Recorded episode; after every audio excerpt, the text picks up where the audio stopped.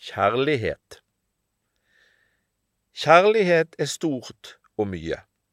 Filosofer, forfattere og kunstnere har gjennom alle tider ment mye om kjærligheten. Det synges sanger og skrives dikt. Noen ganger kan vi oppleve at kjærlighet er noe så stort, vakkert og omfattende at for lille meg blir det rett og slett overveldende. For hvem er vel jeg som skal kunne oppleve alt det de snakker, skriver og synger om? Samtidig opplever jeg at kjærligheten gjemmes litt bort. For mange kan kjærlighet være overveldende og vanskelig å håndtere. Men eh, trenger det å være så vanskelig? Er vi flinke nok til å se og sette pris på hverdagskjærligheten? Husker vi å fortelle de rundt oss at vi er glad i de? Det er mange ulike måter å vise kjærlighet på, men noen ganger er det enkleste det beste. Si jeg er glad i deg. Eller enda sterkere, jeg elsker deg.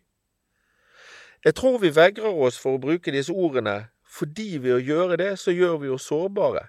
Vi vegrer oss for å vise noen at vi liker de litt ekstra godt, for vi må jo ikke dumme oss ut. Tenk om det ikke er gjensidig.